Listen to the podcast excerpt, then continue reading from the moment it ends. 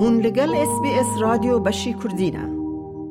روژا بخیر و سلامت به گوهترین هیجا از هاتیجه کمر و از سر چنگ شدانین و هفته و راپور جا آمده شوارا پیشکش بگم. روژا پیشمه ولایت آمده لحمی باجر قد خدانی سر خو پیشاندانان. ولایت بیجه آگاه یک استخباراتی سنگو او جدیدنه و بریار بسینن. لی روژا پیشمه کوملا مالبات هنداین مزوپوتامیای راگهاند بون که اوی پروتستو یک بکن. Ev komeleş aliyê malbatên ku zarekê wan li nav revpekekê hatine kuştin an jî malbatên ku xizmê wan zarekê wan li salê notî de ji aliyê hêzên kontrayê hatine kuştin an jî bê serûçûnbûnê hatiye avakirin. Biryara çalakiya komela malbat û xizmên hundayan jî li ser daxuyaniyek hêzên parastinagel HPG bû ku weka baskê çekdar ê PKK tê naskirin. Beriya çend rojan PKK li ser hin ajansan daxuyaniyek ragihand ku Di nav sê mehan de di operasyonên Tirkiyeyê li ser baregehên PKK li ser devera Herêma Kurdistanê di nav sê mehan de hevdeh şervanên PKK bi çekên kimyevî hatine kuştin. Ji gotinê ku Tirkiye ji meha Nîsanê vir de operasyoneka Dêrsunûrê li dar xistiye li ser deverên û baregehên PKK ku di van êrişan de heta niha dehan şervanên Kurd canê xwe ji dest dane. Li ser ajansan jî li ser medya civakî jî dîmenên du şervanên PKK hate belavkirin ku di wir de her du şervan di rewşek gelek xerab dane û nikarin bîhnê bidin û bistînin. Hate destnîşankirin ku piştî wan dîmenan her du şervan jî jiyana xwe ji dest dane. PKK îdia kir ji meha tebaxê heta meha cotmehê li herêma Zap, Metîna, Avaşîn li devera şikefta birîndar, Karker, Werxelê Tirkiye çekên nukleerên termodînamîk fosfor kar aniye û di encamê de hevdeh şervanên wan jiyana xwe ji dest dane.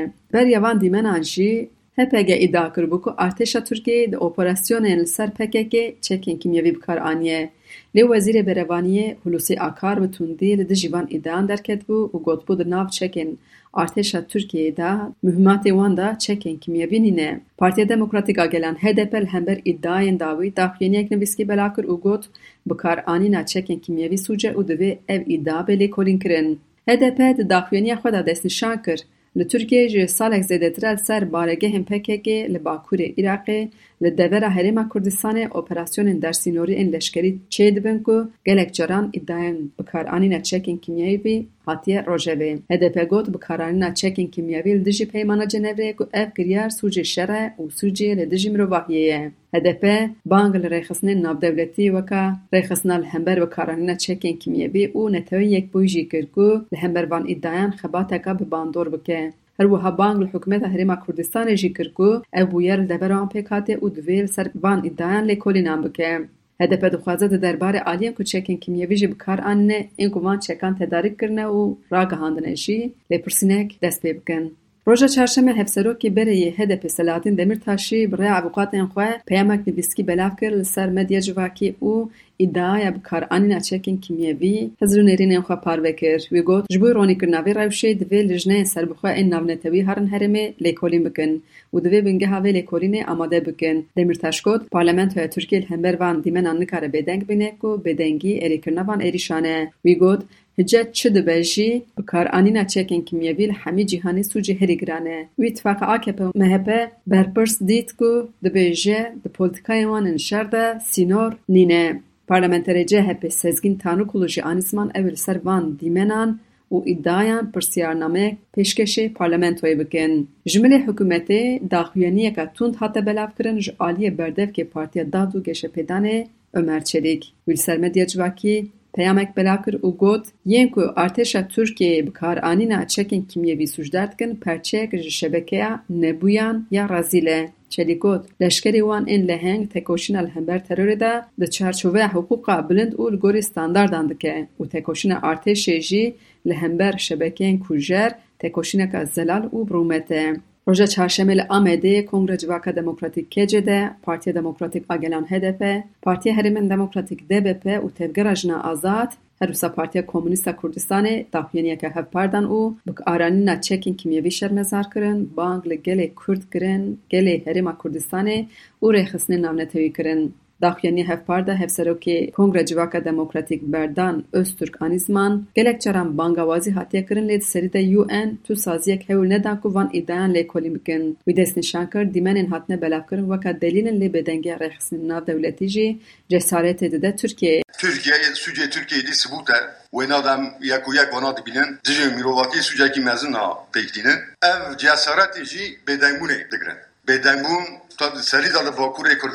بدنگون بدنگونا باشوره کردستان روژاوا و تا بدنگونا یک ماف مرواتی دی پاریزن ماف گلی کردم نابیزن یک ماف مرواتی دی پاریزن بدنگونا وان ترکیه جسارت دیگره یه سلاح دفروشه ممنونه. چه اگه خود سر کرده سر ارنگاریا کرده دجاره بینه. که دنگه که کرده که تا ترکیه اف جسارت ها. نکاربون بکرتانا نکاربون اف چه اک بدانه خواده Wî got divê em li her qadê hember sûcên dijî mirovahiyê bertekê xwe ên demokratîk nîşan bidin û divê ev bertek bi daxuyaniyan bi sînor nemîne kesek bêdeng nemîne wî got nexwe em ê bi vî rengî bibin şirîkê vî sûcê berdan Özkir got di hêla din hewceyek û hikûmeta Iraqê jî li dijî dagirkerî û bikaranîna çekên kimyevî a Tirkiyeyê jî gavan bavêje hevserokê Kongre Civaka Demokratîk Berdan Öztürk kom ku jî helet çêbibîr anî û got ger wê rojê bertek bi hata nîşandan Tirkiye îro nikarbû cesaretê tiştek wiha bike û ewil gav divê Başûrê Kurdistanê dijî van êrişan dengê xwe derxe ev nayê qebûlkirin li ser navê HDP parlamentera Amedê Remziye Tosun jî destnîşan kir bikaranîna çekên kimyevî a li Başûrê Kurdistanê perçeyek ji plana têkbirina li hember Kurdan e ku ev perçeyekê vî şerê ye Serokê Giştiyê Partiya Komûnîst a Kurdistanê Sinan Çiftîrek ji got ger Tirkiye şerek benîzam li Başûrê Kurdistanê didamîne û îdia kir ku Tirkiye sed salin çekên kimyevî li ser Kurdan bikartîne. Hevseroka Giştiya BDP Saliha Aydeniz jî آنی زمان بر یوان بویا رانجی ایدائین یعنی بکار آنینا چیکن کمیوی هبون و بجیشک نوانتی خواستن راپورک آماده بکن و آمورین لهمبر چیکن کمیوی ببن ویدره و پدکی سوچدار کرکو دکتور نو دولتی آستان کریه Aydeniz li hember îdaya bikaranîna çekên kimyevî bêdengiya partiyên opozisyona Tirkiyeyê jî bi dirûtî pênase kir. Protestoyên kuştina Jîna Emînî bandora xwe didomîne. Tirkiyeyê jî Kurdan protesto çêdibin. Li gelek çalakiyan de jî jin porê xwe jêdikin. Roja çarşemê bi û pêncî rewşenbîr kesayetên serbixwe siyasetvan û nûner û endamên partiyên siyasî ên Kurdistanî daxuyaniyek ku piştevaniya xwe ragihandin ji bo gelê Îranê û Kurdên Rojhilatê pêşkêş kirin. Piştî daxuyaniyê جی ساعتک چالاکی رونشنل دار قسن. دا خویانی پروتستان ایرانی وکا راپرین اگل پناسکر کو گو روزا کردی دا خویانی کردی خوانده بو. حتا گوتن که ایران جبو بالا جیهانی رسال وان پروتستویان بدا علی بری خواهده که هریما کردان او ایریشان پیکتینه کردان دا گجه دا خویانی دا بانگل ریخسنی نامنتیوی حتا کرن که پیشی لقتل عامل سر کردان بدست ایرانی بگرن. مصطفی اوزچلیک سروکی پارتی آزادیه کردستان پاکیه اوجی یک جبشتر و چالاکیه بو وی بکا رحنه داین جگوت که پشتبانی یک تیرو توجه بگشتی نهاتی نشاندان جبوی گل ایران و کردن روشهلات البته باکور کردستان جبو پشکریا روشهوه کردستان جبو و سرهلدانه تشته دویا بود و آسته ده راستی باکور کردستان او پشکری نشان ندا. Divya bû hîn zêdetir bû ya hîn aktivtir bû ya lê dîsa jî ew çalakiya me jî îro baş e û mumkin e ku ew ê bi xwe re hinek çalakî dê jî bînin Birêz Özçelik helwesta Îranê û bûyerên li wê derê wiha şîrovek kir. ev serîhildana ku li Rojlatê Kurdistanê û Îranê nîşana wê yekî ku êdî gelê Rojlatê Kurdistanê û gelên Îranê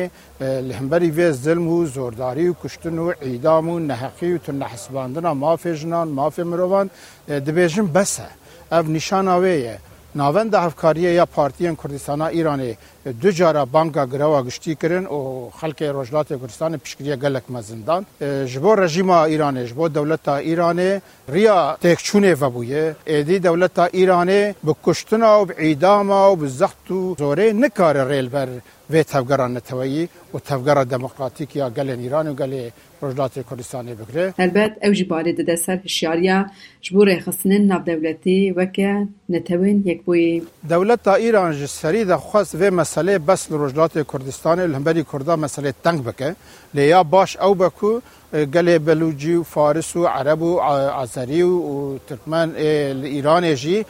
سرهلدان گلک باش کرن و او جو کردار بو پشکری و کردتن نمان لنها جی جبر که دولت ایران ترسک مزن کتی دلیوان دخوازن. مسئله بس لسر دجایتی رجلات کردستان تنگ بکن و وکن زانن ایریشی بارگهن سه پارتیان رجلات کردستان کرن ها تهدید دکه کدو او هرن باشور کردستان او جیهن کولینن او وا در ناتیک بدن. البته دولت ایران نشان او یکی کو اف گوتن او سیاست دولت ایران تین زمان نشان او یکی کو دولت ایران نکار ریل بر آزادی او سربستیا گل روجلات کردستان بگره پشکریا ناون تایی پر مهمه دوی ام همو کردین جیهانه دمک و هاده دولت و گلو دزگهن جیهانه راکن سرپیا که دولت ایران نکار به دل خور رابه باشور کردستان جی تهدید بکه آن اشکال بکه و نکار به قطعیام مزن سرگلی مبکه از هتیجه کمر مبی راپورته جسر گشدان داویج آمده شورا پیشکش کر لایک بکه پارە بە بکە تێبنییا خە بنفسینە SسBS کوردی لەسەر فیسبووکە بشۆبینە.